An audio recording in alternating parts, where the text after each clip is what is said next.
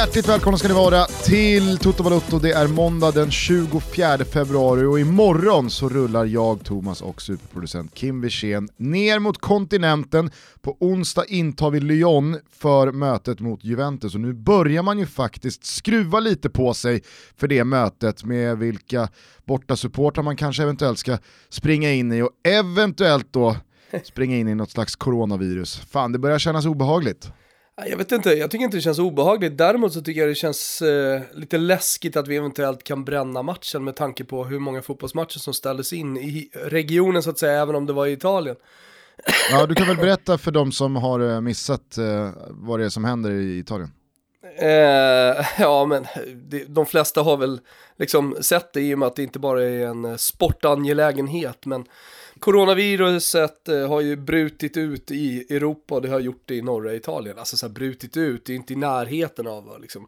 Det är Sydkorea och Kina och sådär. Men eh, det, det, det är så pass många som har insjuknat så att eh, man har då börjat med någon jävla total shutdown i, i norra Italien. De är, jag skrev det på Twitter, de är jävligt handlingskraftiga, italienarna. De eh, lämnar ingenting till slumpen. Och det är väl för att de har varit alltså, de är vana med katastrofer. Och liksom att det mm. händer saker och sånt där. Så att de, de har beredskap. Eh, jag kommer ihåg när tsunamin var, så liksom tog det ju, tog ju tre timmar innan eh, alla överlevande italienare hade liksom flygits hem och allting hade skötts ja, men, så bra som det kan göra i en katastrofsituation samtidigt som svenska myndigheter var tämligen handlingsförlamade. Liksom. Eh, och det, det är, alltså så här, om man nu ska försöka dra det till någon slags fotbollssammanhang så, så, så tycker jag att eh, eh, hela Calcios Scomesse-historien, alltså eh, med uppgjorda matcher, eh, att, att det är ett ganska bra exempel på handlingskraftighet inom fotbollen i Italien. Alltså händer det någonting som liksom, ja, det, det uppenbarligen gjorde där och att det var, ja, men det började bli utbrett med, med eh, matchfixing i Italien. Alltså då tog man ju tag i det, jag säger inte att det inte finns nu. Eh, men alltså fotbollen är ju så stor, den finns överallt där fotbollen finns. Men det var en jävla fart på italienska myndigheterna och det var många som åkte dit och det var poängavdrag och det var spelare som stängdes av. Liksom, mycket hände. Crescito fick inte åka till EM. Då hade inte han gjort någonting. Men det skiter ju italienarna i. Ja, mm. den här snubben, han verkar misstänkt. Då jävlar, då, då, då sätter vi honom i karantän också. Det blir inget EM för dig. Han har suttit lite för nära Beppe Scully på en restaurang. Ja, jag hamnade på någon, i någon mystisk bild med Beppe Scully som sedermera visade sig inte vara speciellt mystisk. Men jag säger bara så här, de, de är jävligt handlingskraftiga. Alltså när, när matchfixingen kom till Sverige och eh, Uppdrag granskning skulle göra någon superduper dokumentär som man liksom slog på stora trummar att kolla här nu, nu har vi, nu har vi verkligen grävt det här med matchfixing. Då, fastnade, då fastnade man i de här matchrapportörerna, alltså de som skickade in då livescore till eh, och statistik till eh, spelbolagen, men för all del även till eh, flashscore-apparna och så vidare. Alltså vet, så här, det, var, det var en dokumentär som, som betydde precis noll. Alltså den sämsta dokumentären som någonsin har gjorts. Och framförallt så lurade man ju alla som tittade på det där. Liksom bara, matchrapportör. Det här är en kinesisk eh, matchrapportör. Då, då kommer jag ihåg liksom på sociala medier, på Twitter och sånt, folk skrev bara Det är kinesiska match! Rapportören på matchen division 3! Du vet, så folk blir helt gala. Man bara, men lugn gubben. Det är för att du ska kunna se liksom, eh, vem som har bollen i, i, liksom på ditt spelbolag eller vem som gör mål. Jävla puckon liksom. Eh, men samtidigt ja, det, som italienarna slöt ner hela första, skiten. Liksom. Det är varken första eller sista gången du trycker till den där eh, uppdraggranskningen. Nej, det, jag vet att det inte är första, men vad fan, nu fick, jag, nu fick jag tillfälle att göra det och varje gång jag får tillfälle att göra det ska jag fan göra det. Men så jävla dålig. Och plus ja. att allt arbete som jag säger, jag vet att man gör mycket nu, men, men eh, och vi, vi kanske är bra på att eh, stävja eller liksom att jobba långsiktigt och sånt där. Det, det är nog, det är jag övertygad om att där är Sverige rätt bra. Men när det händer saker, mm. hur som helst. Och det jag är rädd för, jag, jag är inte rädd för att få coronaviruset. Jag kan åka på en liten sväng eh, av coronaviruset också. Kanske dör man, fan vet jag. Men det är ju att man missar den här matchen. Det är ju det som är liksom, det är det jag är rädd för. Att de ställer in den. Ja, eh, och, och då på ett eh, liksom, eh, fotbollsmässigt plan då så var det väl en Serie B-match utöver då mängder av lägre divisionsmatcher och amatörmatcher som ställdes in i lördags. Men en Serie B-match ställdes in i lördags, vill minnas att det var Ascoli Cremonese, yes. och sen under söndagen då så stänger man ner tre Serie A-matcher, däribland då Inter, Sampdoria eh, och eh, Atalanta mot Sassuolo. Ja, jag har ett litet svep, alltså där kommer coronaviruset in. Jag tänkte så här, jag kan väl dra det och sen så kan vi liksom ja. utgå från det, så får vi se var vi landar och sådär. Ja men det låter mm. bra. Det låter bra. Du är på hugget där uppe i Leksand. Ja men lite grann va. Vi slår igång Kimpen. Ja, jag tycker att vi inleder svepet i norra London, där Arsenal verkar ha fått lite ordning på grejerna. Och ska vi vara lite smålustiga, så är de Invincibles 2020, va? Viktiga 3-2 mot Calettos Everton och ett steg närmare Europa. Nu har vi fart på svepet, Gugge. Ett steg i rätt riktning tog annars Manchester United, klar 3-0-seger mot Watford på Old Trafford. Shoutout också till Wolverhampton som hittade segermedicinen i Jota än en gång. De har så märkliga karaktärer överallt på planen att man måste älska det där smutsiga agentprojektet. Eller? Är det smutsigt?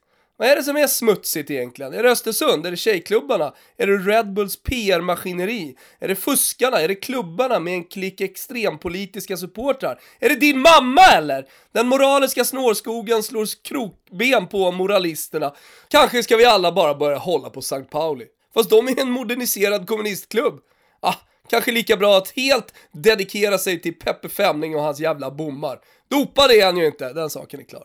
Ah, ja, Kul att ha vi här i svepet denna måndag. Karantän, dagens ord, i alla fall i Italien. Scudetto-striden är i karantän, skrev Gazzetta dello Sport nu på lördagsmorgonen. Fyra matcher inställda igår och eh, det är total outbreak i den lilla orten Codogno. En 38-årig supersocial amatörfotbollsspelare hade både sprungit halvmaraton och spelat bortafight i Eccellenza-serien och misstänks ha äh, smittat en massa personer va.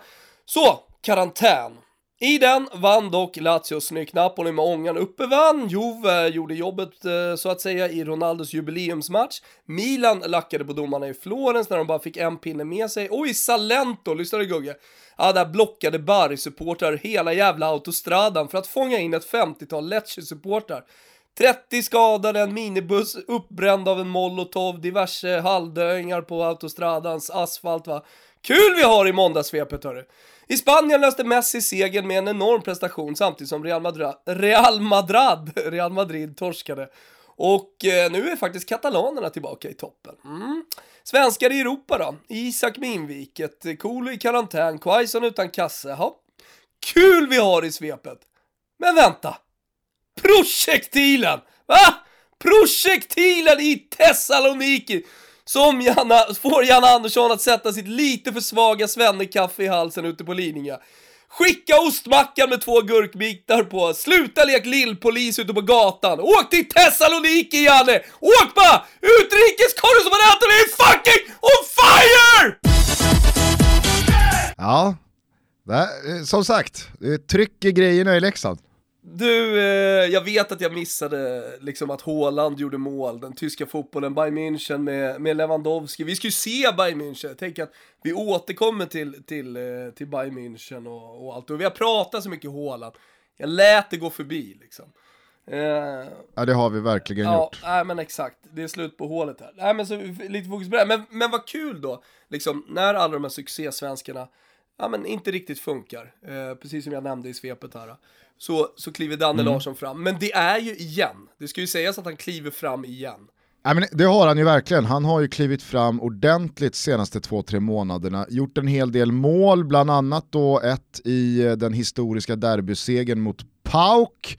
Han har skjutit eh, Aris till cupsemifinal och så nu då senast mål igen då, tillsammans med Idai Brown på topp. Så att, eh, och, det är så jävla roligt måste jag säga att han har fått en, liksom, en sista skjuts i den här karriären som, om vi ska vara ärliga, hade ju tickat in på en lite mer guppig och trubbig väg ja, och kändes som att den var på väg att ta slut. Ja, framförallt eh, liksom eh, Europa-äventyret. Nu har han varit ute så jävla länge, mm. men eh, det var mycket snack om allsvenska och jag vet att han hela tiden söker sig nya kontrakt och vill ju fortsätta att stanna ute i Europa så länge han kan.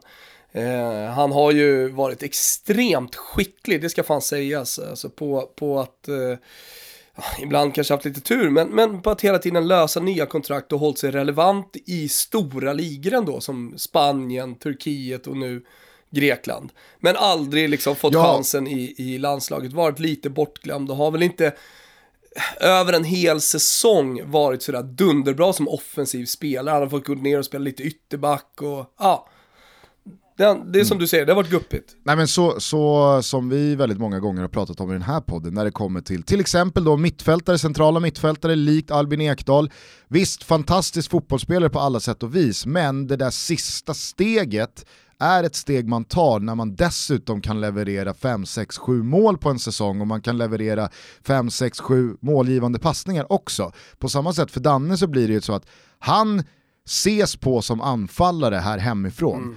Och då tror jag att liksom, 99 av 100 bedömer honom på hur många mål han gör. Det gör ju jag också med spelare som har lämnat svensk fotboll som anfallare. Sen har inte jag sett matcherna i Belgien eller i Ryssland eller var man nu är. Det kanske är så att man springer och spelar ytterfältare i ett 4-5-1 eller Alltså så här, man, man, man, kanske har fått en helt annan roll och sen så står man på tre mål när säsongen är färdigspelad och så myggas man av i min och många andras bok. Mm så, så funkar det ju, och, och, men, men där är ju du inne på, på exakt samma aspekter när det kommer till ett nytt kontrakt. Alltså när du gör de där målen, när du visar att nej, men här finns det fortfarande kvalitet, här finns det fortfarande edge, det är det här som ni ska betala för. Då kommer det också nya kontrakt. Så Danne har ju varit otrolig på att liksom så här, precis när man börjar känna att nej, men nu, är det nog, eh, nu är det nog närmare än någonsin med att kika på eventuella allsvenska mm destinationer till nästa fönster. Då vaknar han. Så spottar han in två, tre, fyra mål på en och en halv månad och så,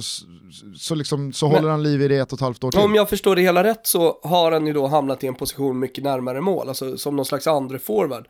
Och det har han ju inte varit på väldigt länge, han har i alla fall inte haft förtroende i en sån roll, utan det har varit mycket ute på kanten och ja, långt ifrån målet. Och alla som minns honom från Malmö FF-tiden minns ju honom som en anfallare, precis som du säger, och sen så utsläppt då i Europa och mm. gör inte så mycket mål. Men visst är det så att han liksom är lite Quaison i Mainz roll nu? Ja, ja kanske. Mm. Absolut. Ja, nej, stolta utrikeskorren, han fortsätter tugga på där nere i Thessaloniki. Vem är närmst Det gör oss väldigt glada. Vem är närmst då? Hur menar du, vem är närmst? Ja, Sam eller Danne? allvarligt. Nej, man... Det är en allvarligt ställd ja. fråga. Jag tror nog ändå att Sam är närmre i och med den eh, väldigt, väldigt eh, hårda konkurrensen som finns om anfallspositionerna. Eh, hur går det för Jige? Han spelade väl i helgen va? Jag sitter faktiskt med Zweite, ja, jag sitter faktiskt med Zweite Bundesliga-tabellen uppe här. I och med att du nämnde St. Pauli, det var ju Hamburg-derby i eh, lördags va? Just det. Och eh, vårt eh, stolta HSV, Hauerswau, eller Die Rotenhausen, gick på pumpen mm. hemma mot eh, Pauli-gubbarna med 2-0. Det är lite av ett svenskt lag i år, eh, i och med då Sebastian Olsson och Viktor Gyökeres. Mm. Men uh, Gyökeres såg jag uh, satt på bänken. Mm. Alltså Hamburg håller ju på att sumpa det här igen. Nu springer ju Armina Bielefeld och Stuttgart ifrån i toppen. Hamburg kommer ju givetvis tvåla bort den här kvalplatsen och sen så blir man fast förankrade i Zweite en gång till. Men Hannover, ja, torsk mot just Armina Bielefeld. John Guidetti varnad i den 53 minuten, utbytt i den 77. Ja men det är ändå ett tecken, jag gillar varningen. Vi är denna vecka sponsrade av eh, Unisport. Det är vi, känner ni till Unisport ni som lyssnar eller? Ha? Ska de kunna svara dig? Nej, men jag tänker att de kanske ändå liksom nickar med eller skakar på huvudet eller sånt där. Du kan väl berätta lite vad Unisport är? Unisport är en onlinebutik som har precis allting du behöver ifall du saknar någonting när du ska spela fotboll. Ja, och jag tänker så här, nu går vi emot säsongstart, det är väldigt mycket fokus på fotboll såklart, inte bara den här podcasten utan många som spelar. Eh, och då hittar man allt, inte bara fotbollsskor, men jag skulle vilja fokusera lite på en fotbollsdoja som jag precis har köpt. Och då mm. tänker du så här, va? Ska du snöra på dig dojan igen gubben? Och, och, och lira? och dra baksidan med FC Samp. Alltså jag lever ju numera eh, mitt fotbollsliv rent materiellt genom min dotter Stella. Eh, och så var jag inne och kikade och fastnade först vid de här rosa Mercurial Vapor.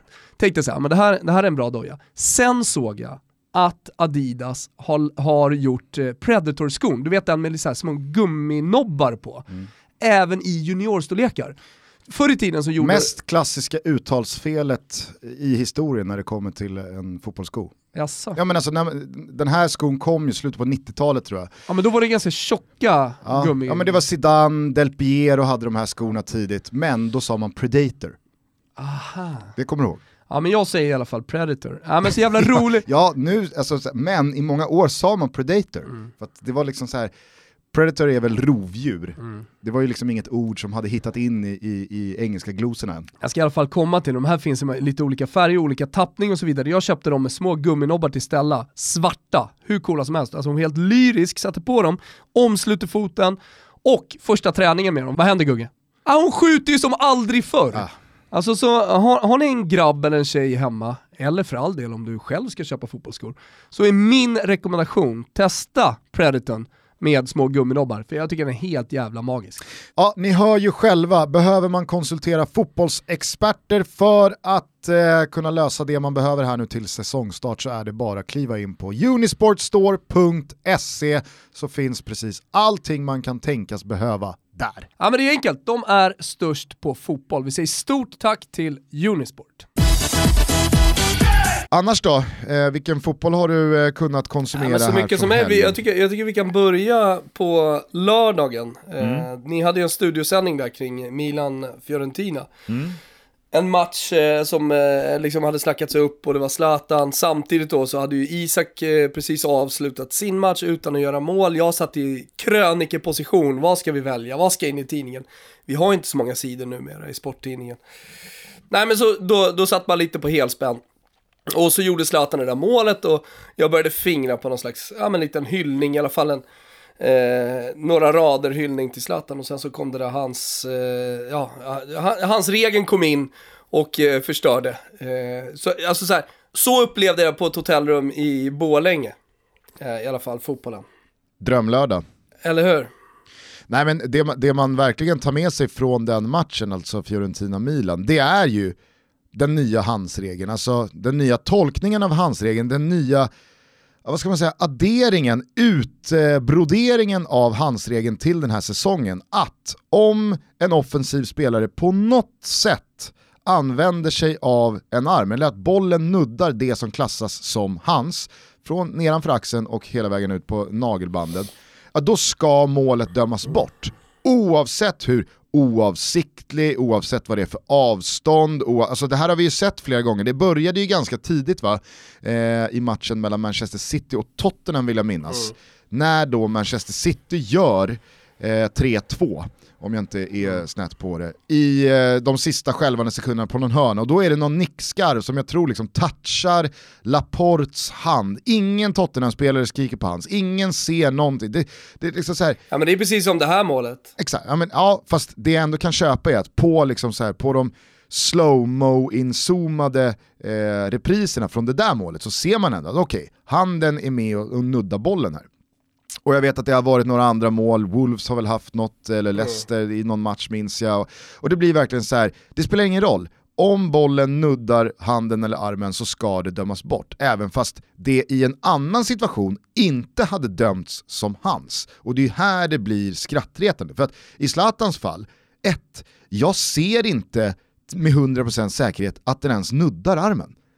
Det, det ser liksom, det, i, I vissa vinklar ser det ut som att det snarare är mage, torso liksom. Ja, hur som helst, han har armen sträckt längs kroppen, bollen kommer till honom efter någon liten deflection, touch, någon missar bollen så att det finns liksom noll reaktionstid. Han har ryggen mot mål när det här sker på väg ut ur straffområdet. Den, den tar i hans överkropp, eventuellt nuddar den armen, men därifrån så har han ju liksom, han har ju ett berg att bestiga innan bollen ligger i mål.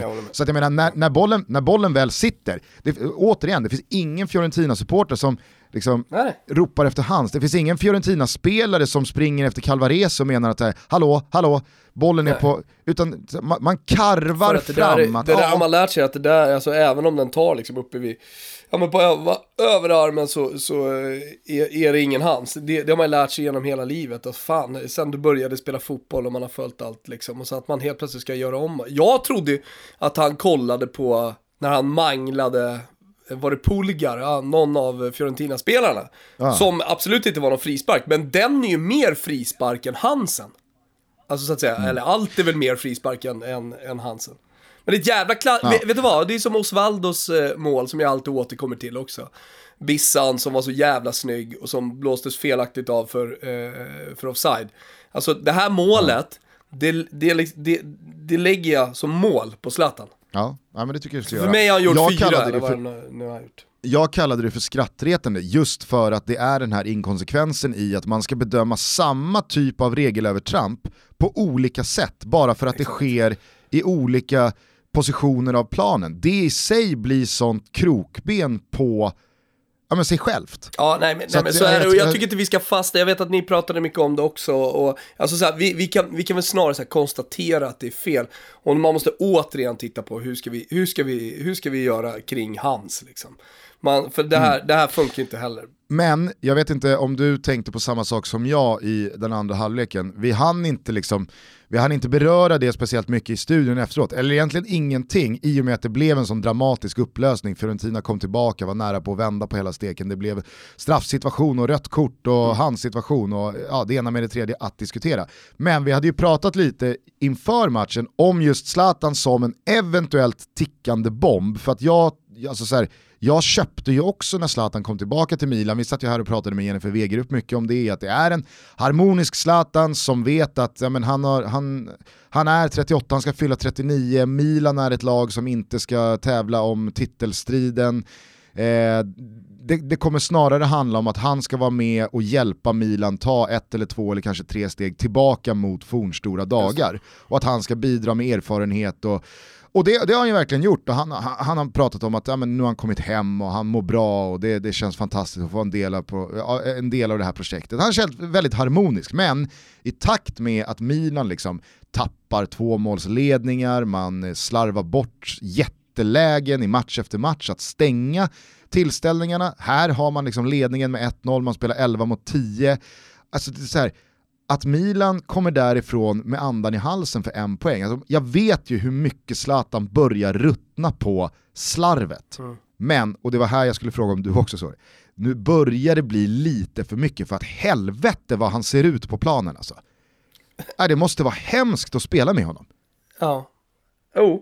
Han slår ut med armarna och skriker Nej, och skäller och alltså, Jag kan inte titta på Milan utan att hela tiden följa vad, vad, vad, just, vad hur reagerar Zlatan på den där passningen? Ah. Ah, det... Och, och, och, det sjuka är att man ser ju reaktioner hela tiden. Det kan vara en blick, man ser liksom han spänner till nacken för att han, han ah. lackar över någonting. Och, äh, men jag tror att det är så här, har man spelat på den absolut högsta nivån, nu var han ju sådär frustrerad även i eh, LA Galaxy. Men har man spelat på den absolut högsta nivån, då, då, tror jag att det är jävligt svårt med en så sjuk jävla vinnarskalle som han har. Eh, lite klyschigt liksom, men, men det är ju ändå så. Att, att, att gå ner så, så, många hack som han har gjort i karriären och spela med så dåliga lagkamrater som han ändå gör. Liksom.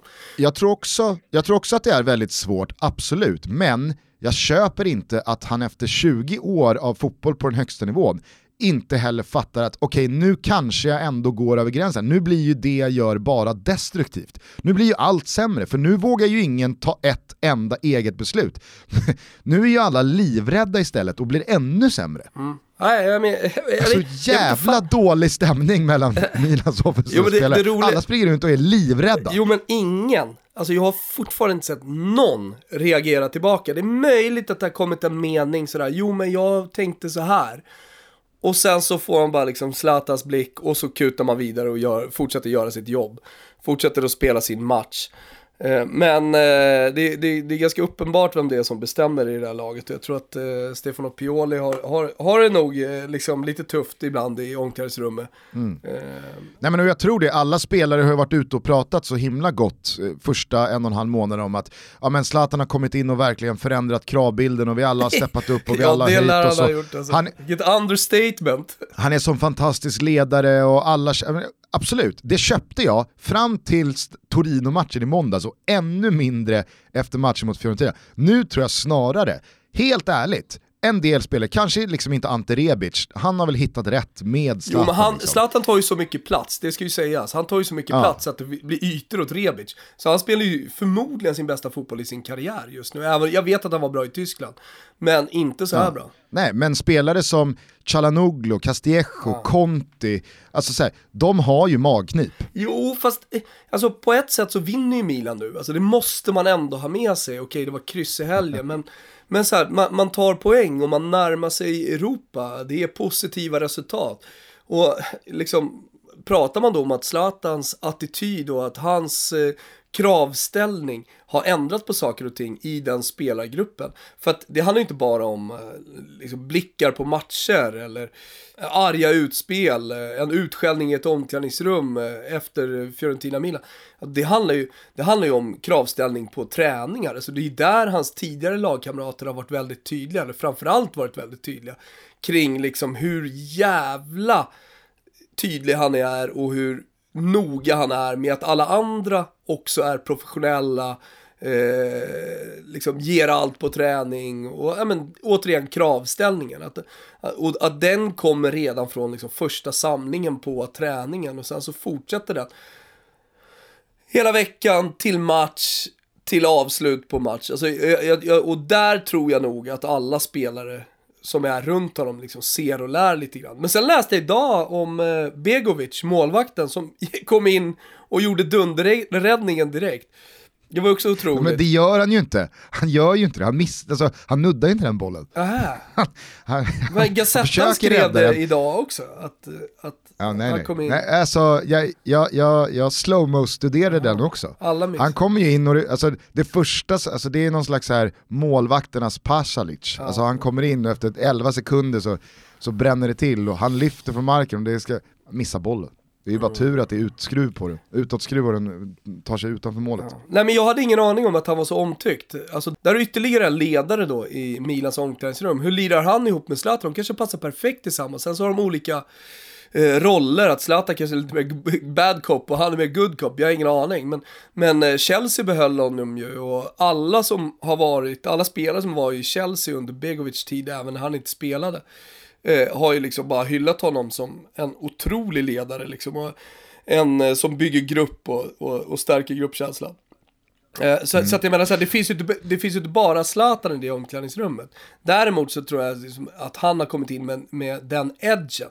Att eh, liksom höja nivån på precis allting man gör, varenda jävla passning i varenda jävla övning som man, som man kör på, kör på Milanello. Ja, men jag tror i alla fall att du förstår vad jag menar. Ja, ja, att vi börjar, vi, börjar, vi börjar närma oss en inverterad reaktion på att se sitt eget nummer på, på fjärdedomans skylt, att det är dags att kliva av planen. Alltså, Benazer, det finns ju 10-15% lättnad, glädje, när han ser att det är hans nummer på skylten. Alltså, yes. den som har det tuffast, jag får, jag får kliva av. Den som har det absolut tuffast är ju Benazer. Och i den här matchen mot Fiorentina så blev det ju sådär att när han inte skulle passa Zlatan så passade han. När han skulle passa Zlatan så passade han inte. Och det är också ett såhär dundertecken på att Benazer är osäker när han kommer på offensiv planhalva. Bollen för Zlatan, för Zlatan, för Zlatan. Nej, jag borde passa vänster, jag borde ja. passa vänster, jag passar höger. Helvete också, Zlatan blir arg för han skulle inte ha haft bollen där. Nästa gång, ja men jag passar vänster. Och så blir Zlatan arg för han tycker att han skulle ha haft bollen. Alltså han, han är ju nojig. Ta av mig bara! ja, precis. Pioli, skicka av mig nu för fan. Jag orkar inte mer. Jag orkar inte mer. Tompa, vad tänker du på när jag säger eh, jobb? Randstad! Oj shit, vad, det var fort, märkte du? Alltså nu sitter det. Nu börjar det sitta. Nu börjar det sitta. Ja. Vad det kom som en jävla blixt bara. Du vad tänker jobb. du på när jag säger eh, karriär? Randstad! Vad tänker du på när du hör ordet eh, arbetssökande? Randstad? Ja. Är tre av tre. Det är tre av tre? Tre av tre, du är otrolig. Det är så sjukt, det bara sitter. Jag tänker att alla lyssnare som har varit med ett litet tag här nu, det sitter hos dem också. Ja. Vad ska, man, ja, men vad ska man göra om man är sugen på ett nytt jobb? Vad ska man göra om man precis ska ut i arbetslivet och, och söker sitt första jobb till exempel? Vad ska man göra om man är lite osäker på det arbetet man har, det befintliga arbetet, och man vill eh, checka av liksom vad som finns? Jo, vad ska man göra då Gusten? Nu är det upp till dig här. Man ska gå in på randstad.se. Ah, exakt så. Där finns all tänkbar hjälp man kan eh, kunna tänkas eh, behöva. Där kan man eh, leta efter eh, lediga tjänster, man kan få rådgivning, man kan registrera sitt CV Det går att göra precis hur mycket som helst för att få till en eh, önskad förändring i sitt arbetsliv. Ja, önskad förändring eller helt enkelt som vi sa innan, man ska börja jobba, man vill se över möjligheterna. Hur som helst, jag tror vi var tydliga här i inledningen och jag tror att ni är med nu! Vi säger jobb, ni säger Randstad. Exakt.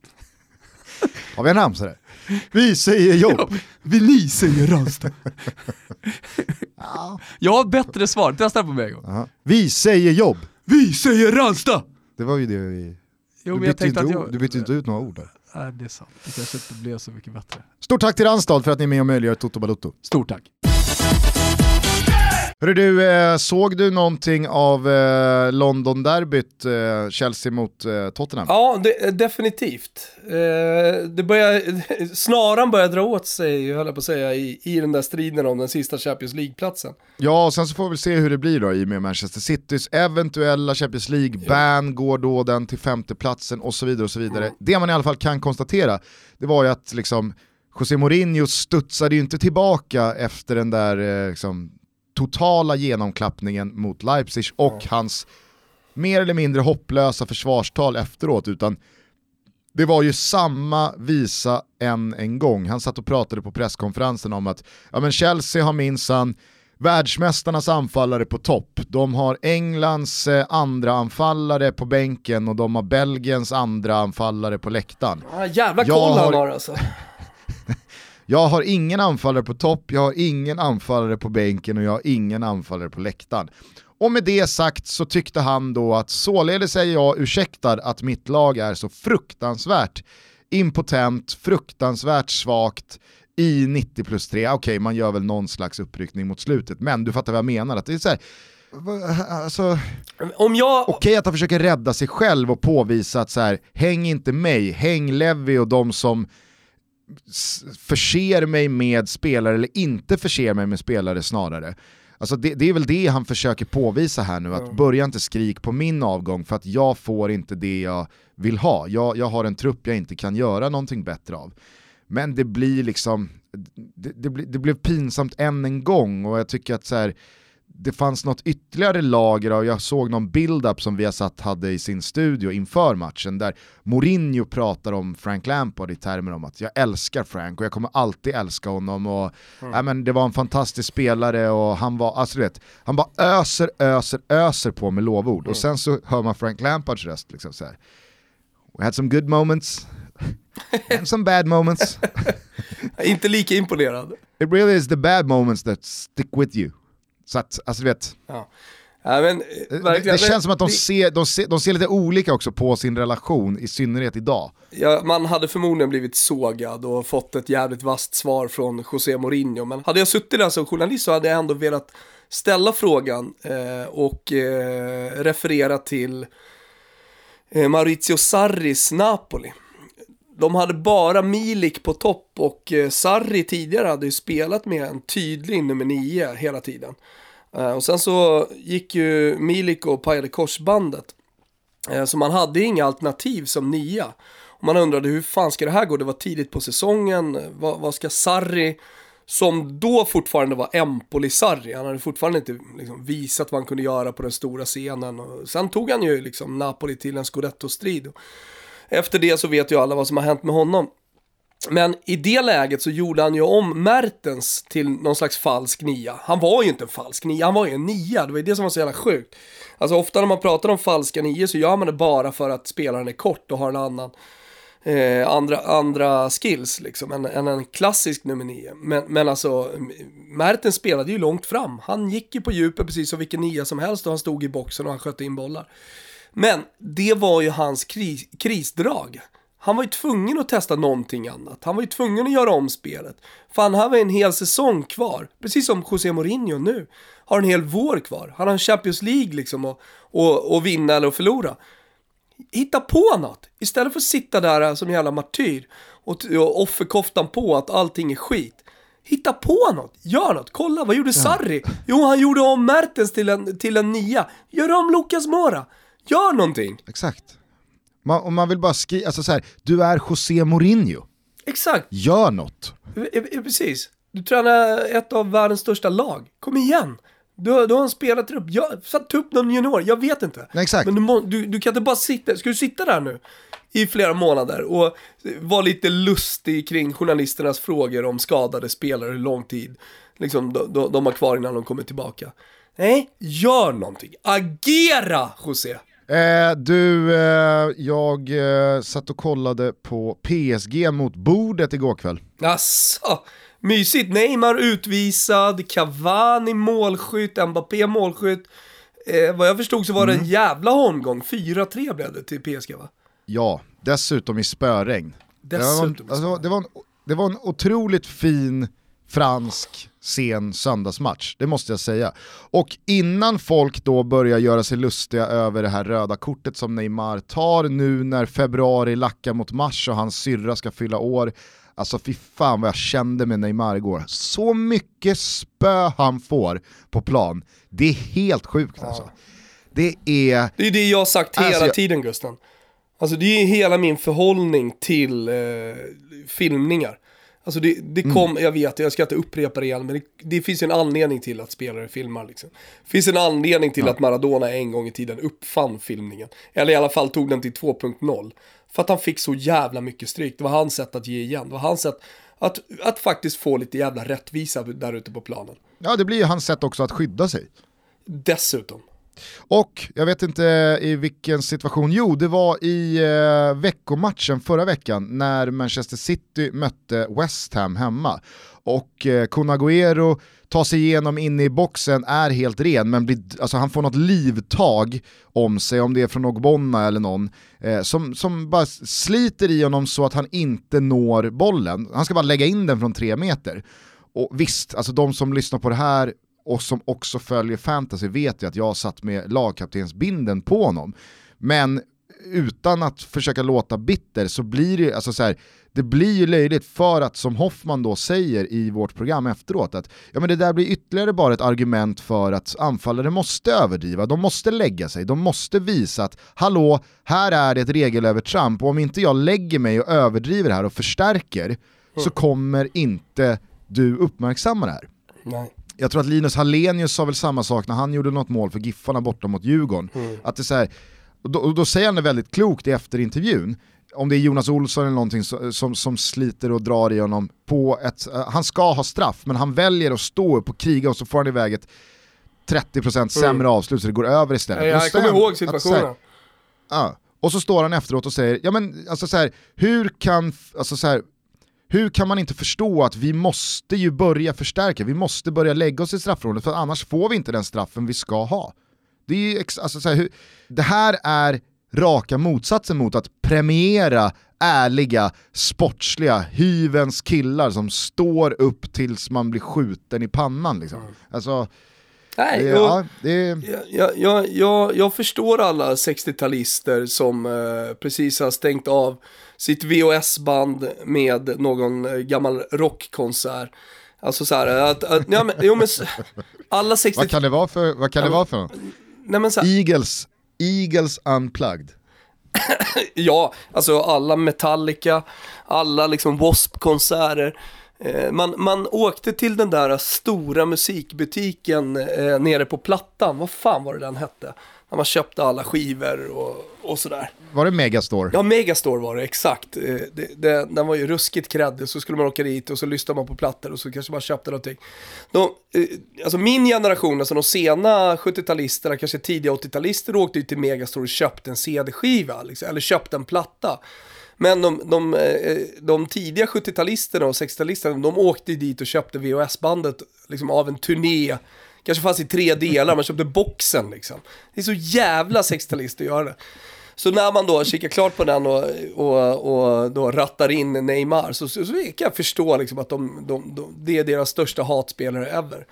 Och de är ju dessutom uppväxta med en fotboll eh, som är liksom, ja men det brittiska, det är lera och det är den vi i Sverige spelade också i mångt och mycket. Så det, det, blir, blir svårt för dem att, eh, eh, att, att anpassa till det nya och då blir det så att den frustrationen som finns i dem, ja, den riktar de mot spelare som till exempel Neymar. Ja, men det blir så tydligt under en sån där eh, andra halvlek som det var igår, när alltså Bordeaux kommer ut i andra halvlek med en pinne, okej nu ska vi försöka slå vakt om den, men PSG vet att vi har alla bästa spelare på plan, nu bara kör vi. Och Neymar håller ju hov och han får så mycket efterslängar och han blir dragen i tröjan och han blir nedbrottad och han, alltså du vet, de är ute efter honom mm. så det bara sjunger om det. Och så precis i slutet då så åker han ju på en ruskig jävla tackling också. Ja. Men han reagerar tillbaka mot att så här, nu, nu, nu, får det vara nu, nog. Får jag, nu, får jag, nu får det vara nog, nu markerar jag mot här.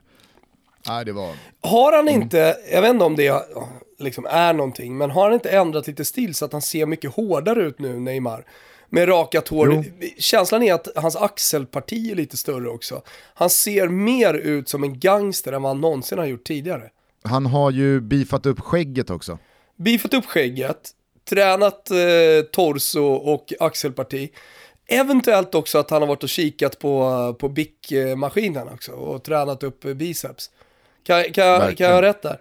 Och sen, och så då rakat. Så att han är, han är lite, av, lite av en hårding ser han ut som. Ja, nej det, det, det köper jag verkligen. Mm. Han har eh, lagt på sig något eller ett par kilo muskler, absolut. Men Cavani som du nämnde gjorde mål, sitt 200 för PSG. Vi pratade ju om Cavani i mm. senaste avsnittet tror jag. Nu vart det en jävla cirkus sån... här hemma. Jag ber om ursäkt att jag avbryter dig Gusten, men nu sprang hela, hela familjen in här. Nu kniper vi va? Drar vi igen limpsaxen, pappa sitter och jobbar här.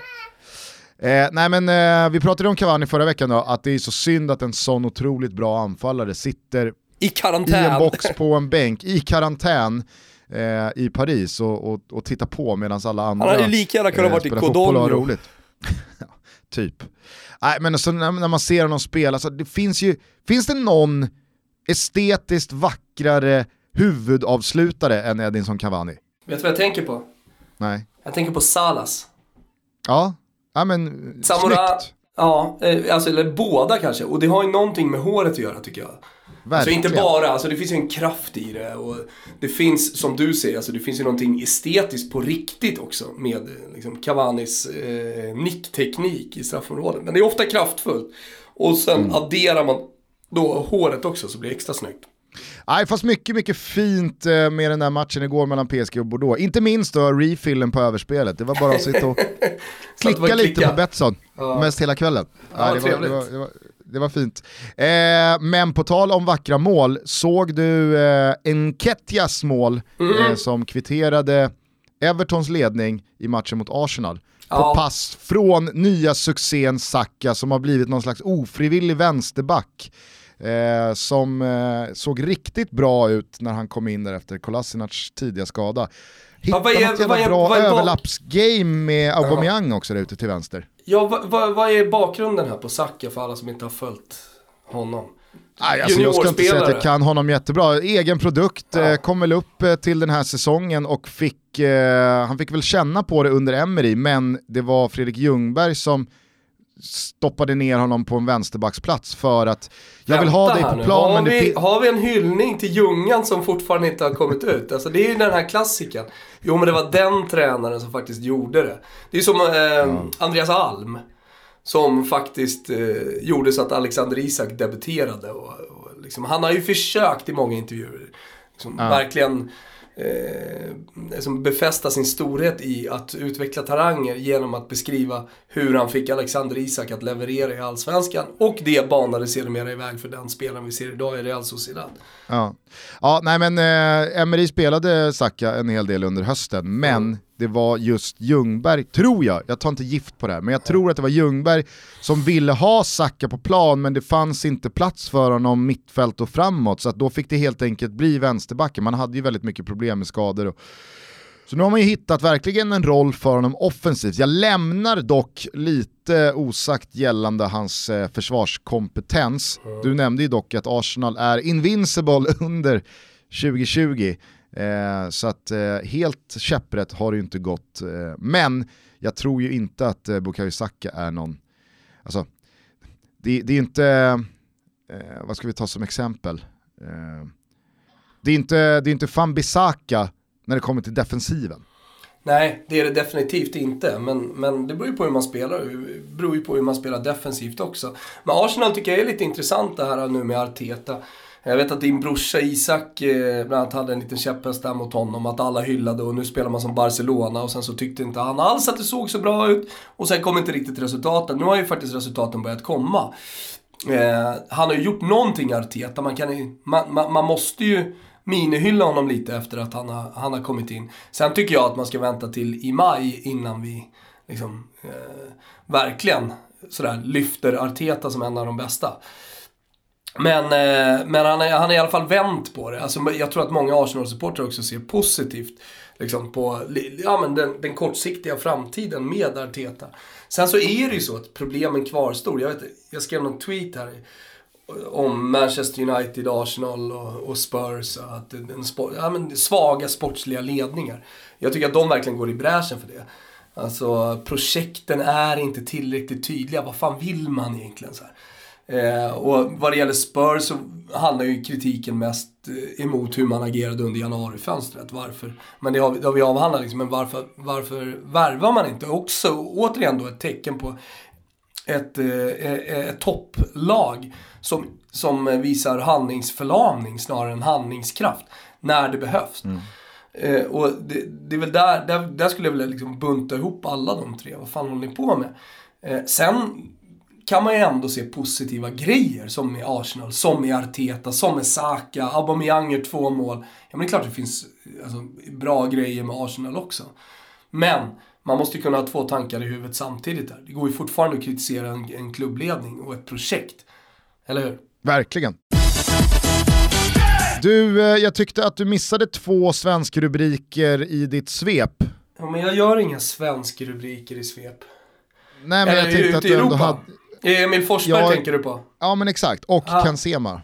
Kansema utskadad, det såg inte alls bra ut. Eh, det såg ut att vara någon sträckning i vaden va? Jag har inte läst om det. Jag tyckte det såg ut som knät. Han satt och tog sig mot knät i alla fall. Okej. Okay. Och, men, men så här, Emil Forsberg, jättekul att han får komma in och göra ett mål, men man vinner ju med 5-0. Han har ju noll impact på den matchen. Det är skönt att han får sätta den bollen. Det är bra för honom. Men, det är, det är inte hans match. Det är inte hans seger. Nej, eh, men okej, okay, jag, jag, noterade ju att ditt eh, liksom, eh, Svenska Cupen-förakt pyste ut lite Eh, du, du, tog inte med dig någonting här från första rundan eller? Nej men jag tar med mig, alltid tar med mig väldigt lite mot hur det ser ut tidigt på säsongen. Alltså det vet ju du om och vi har pratat om det så jag orkar inte upprepa det. Men det är ju löjligt om man ska börja liksom såga spelare, nyförvärv efter en kuppmatch i februari. Alltså den, den, här matchen betyder ingenting. Den här, de här matcherna nu är inte signifikativa överhuvudtaget. För liksom, och de kommer inte bli det för säsongen. Alltså de här, de här matcherna är för tidiga.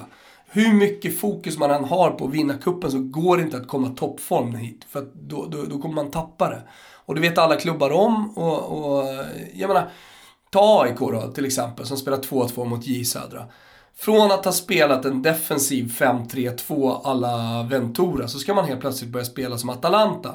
Jag tror inte riktigt på den stora liksom, förändringen. Jag tror inte riktigt... Jag tror att det tar för lång tid och det finns för lite tålamod för att man ska kunna liksom, driva igenom den eh, ja, men ändå jävligt stora eh, taktiska förändringen. Framförallt så kommer det inte sitta i första matchen mot J Södra i Svenska Kuppen i februari. Så det fattar, ju, det fattar väl vem som helst. Och att då liksom dra så ex, extremt stora växlar på hur det ser ut, vem som inte levererar nu. Det, det tycker jag, det, det, det är att vara lågbegåvad inom fotboll alltså. Ja, jag har eh, långt ifrån sett alla matcher som man i och för sig med fördel kan göra via Simor. De sänder hela Svenska Kuppen. Mm. Eh, Lite lurigt, kanske inte alla har koll på, så det är bra att du liksom eh, trycker dit den här. Mm. Jag såg i alla fall Djurgårdens match och eh, Gnagets match igår och jag tycker, jag, jag, tycker precis som du, man ska inte dra några större växlar och så som hela laget ser ut, nej, så kanske det inte kommer se ut över hela året. Men i alla fall några, några bara så här korta, korta reflektioner. Mm. Absolut. Eh, det var eh, från Djurgårdens match så måste man ju lyfta både Emir Kujovic och Holmberg, men framför allt hur det såg ut med båda på plan. Mm. För där var det ju lite under hösten att så här, okej, okay, Emir Kujovic värvas in som ersättaren till Buya Turay. det var ju Tolle ute och pratade om tidigt också, att ja, men, det vi får från Kujovic här nu under hösten, det är snarare en bonus. Vi vet att vi kommer bli av med, med Buya Turay nästa år och då finns Emmy redan på plats och så vidare och så vidare. Men när Kalle Holmberg hämtades in, ja, men då, då, då kände i alla fall jag en osäkerhet kring är Kalle Holmberg invärvad för att båda ska vara på plats samtidigt eller tar de ut varann och kommer det se ut lite som i fjol då, att de ska växeldra lite. Mm. Men jävlar vad bra eh, det funkade med Kalle Holmberg som släpande mm. bakom Kujovic. Det ja, men här jag imponerad du, av. Här har du återigen tränarskap Gusten. Alltså bra jävla tränarskap. Du kollar på gruppen, vad har du för spetsegenskaper, hur får du det att funka kollektivt? Och det är precis det Tolle och Kim Bergstrand har gjort här. Okej, okay, vi har Kujovic, vi har Holmberg. Det är, det är två av våra vassaste spelare offensivt. Men lite för lika varandra. Men vänta, har vi några egenskaper så vi kan skruva lite på det här? Och så skruvar man och så får man till det. Det är bra tränarskap. Ja, verkligen. Hatten är lyft. Men Återigen. i andra änden av Djurgårdens lag så noterar jag också Tommy Vaiho. Här tycker jag att det börjar blossa upp till en ganska så intressant situation. Många kommer säkert ihåg hur det var i fjol, Tommy Vaiho, denna eviga andra målvakt som har varit 10-15 år i Djurgården. Visst, han har haft någon, eh, någon, någon detour i, i Gais och så vidare, men han har ju alltid varit liksom en backup och en publikfavorit och sen mm. har han kommit in och gjort det bra, hållit någon nolla i något derby och så vidare, men Djurgården har ju aldrig satsat på honom. I fjol får han då chansen när PK Bråtveit är för dålig, han radar upp nollor, Djurgården stänger butiken och vinstmaskinen bara rullar igång, han nyper straffen borta mot Malmö i seriefinalen och blir ju verkligen en av de stora guldhjältarna. Men i fjol är han alltså 31, han fyller 32 i år. Jag tror ju inte att Tommy Vaiho helt plötsligt hade utvecklats till en 25, 30, 50% bättre målvakt än vad han har varit de senaste åren. Utan jag tror att det är lite samma målvakt som kommer in i ett bra stim, som är i en bra, en bra period. Som, framför sig. som har en ruskig backlinje framför sig, som flyger jävligt högt som lag också. Alltså så här, det stämmer väldigt mycket. Mm. Men nu går man in i den här säsongen, Vajo är ju självklart då första valet. han kan inte vara något annat. Tränarna måste satsa på honom, Bosse måste liksom säga, ja det är klart att Tommy Vajo har första spaden i Djurgården, men har förväntningarna skruvats upp för högt på Tommy Vajo? Är det liksom så här, förväntar man sig att Tommy Vaiho har stängt butiken även i år och ska stå på huvudet och, och hålla varenda jävla nolla? För jag ty tyckte det såg riktigt skakigt ut mot Dalkurd och nej, en sån match säger inte att nu är Tommy Vaiho jättedålig igen.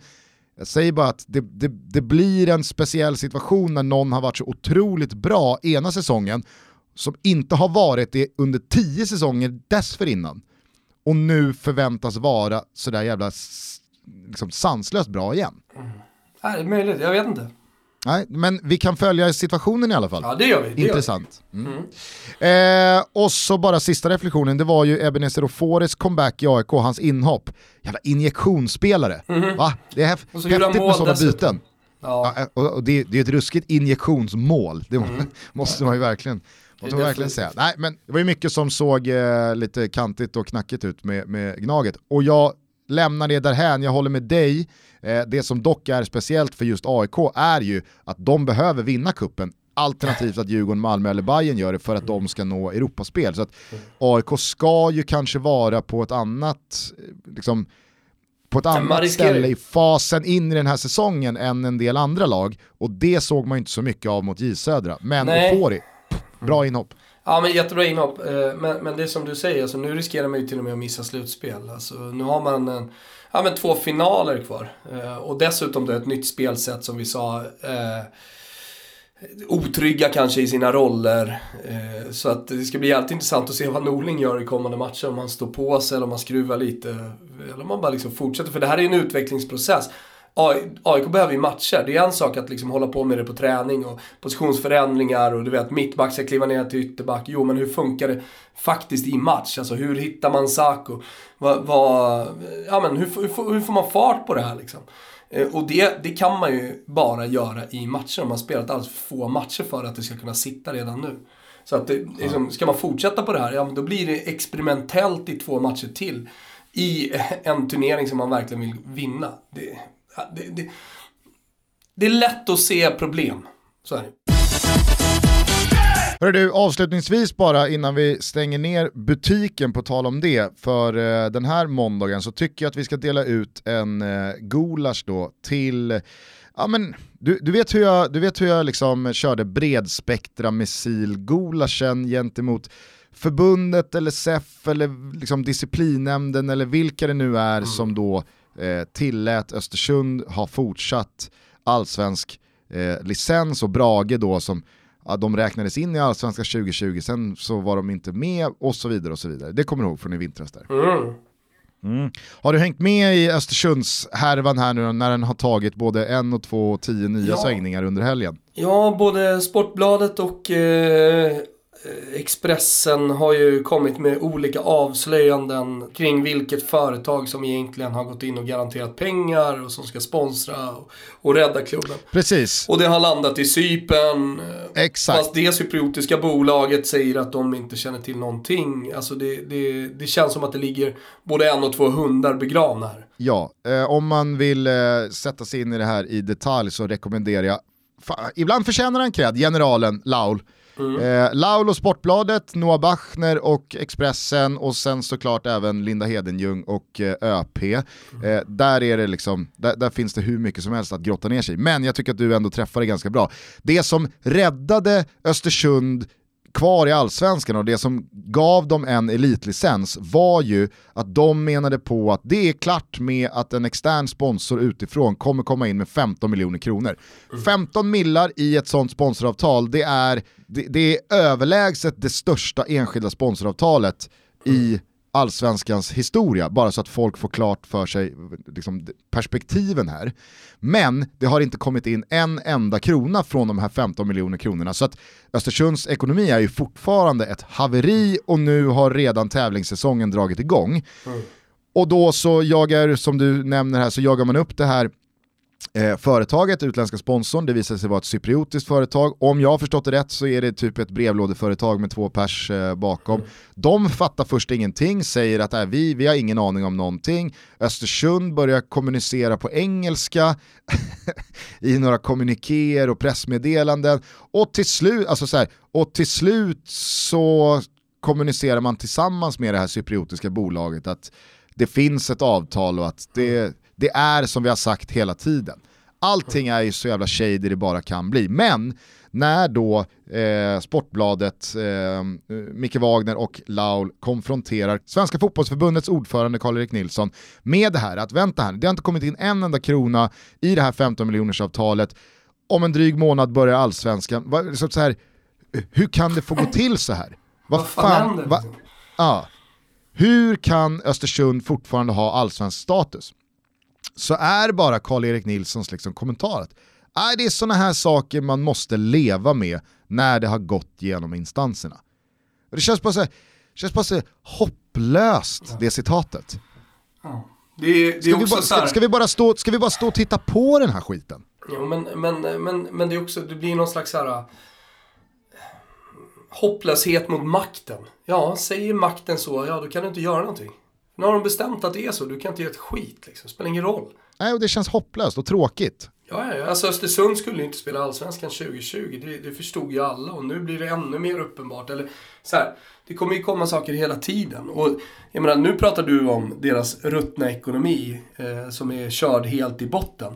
Alltså det, det, är, är en sak och en anledning, en stor anledning till att de inte ska spela i Allsvenskan 2020.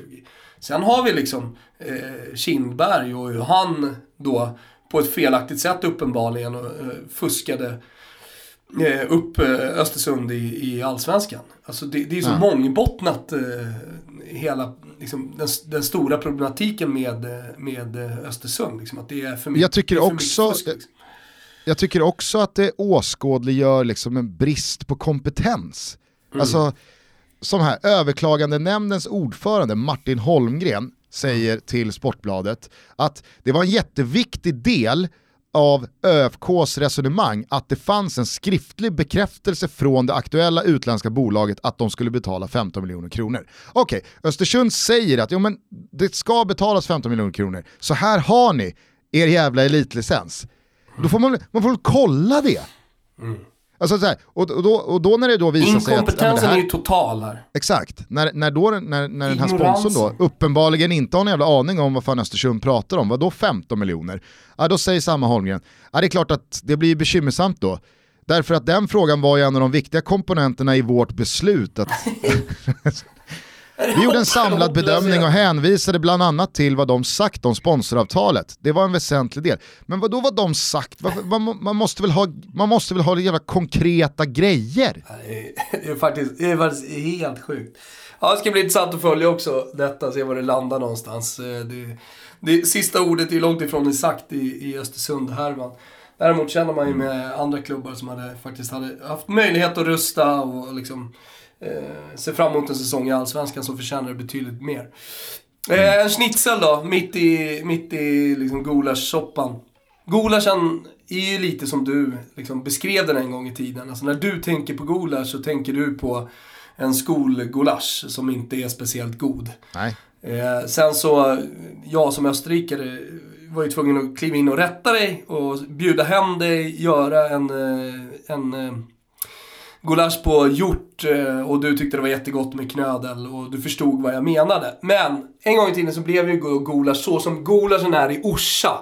Eh, när man har åkt skidor. Den smakar skit rätt i munnen. Så nu passar den ju när jag är här. Eh, det, det, eh, schnitzel i alla fall. Den, den hade de ju också, schnitzeln i Orsa. Den skulle också kunna fungera som en symbol för någonting som inte är bra. Eh, men schnitzel den här veckan, alltså någonting positivt, till German Denis. Kommer du ihåg honom? Napoli-spelare, eh, ja, ja, Atalanta, Absolut. han var ju liksom en av de här eh, provinsniorna som alltid levererade.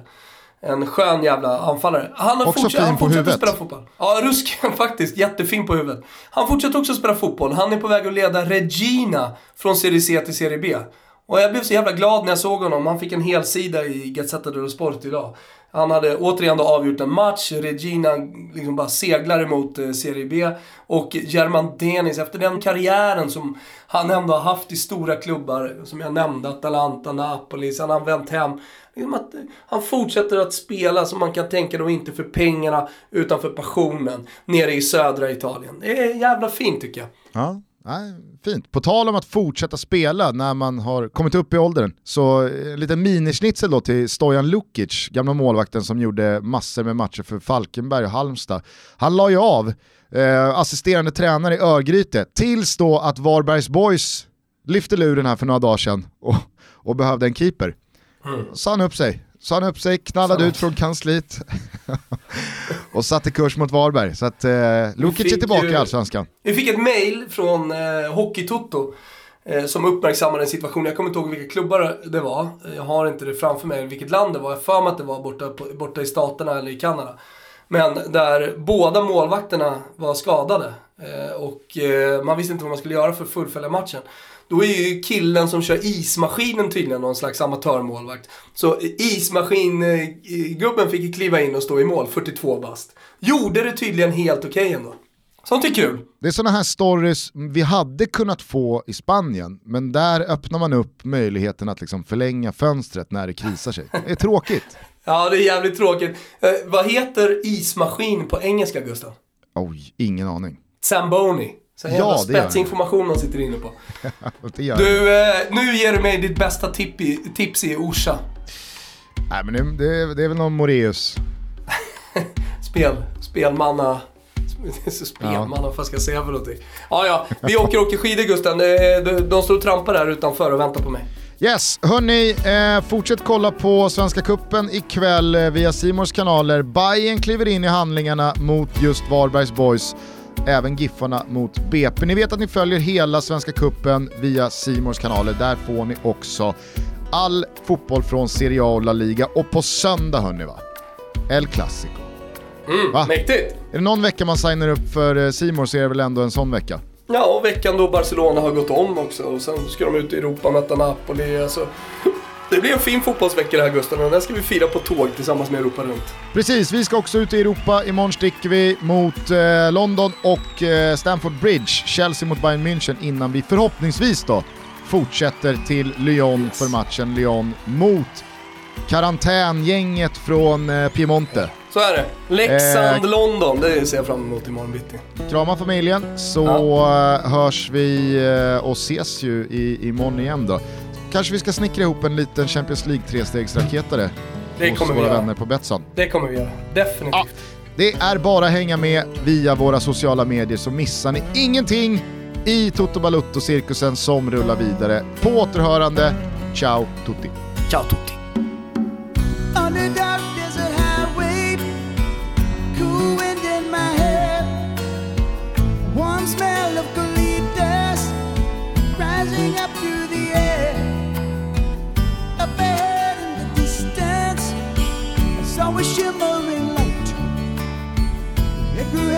My sight grew dim. Had to stop for the night.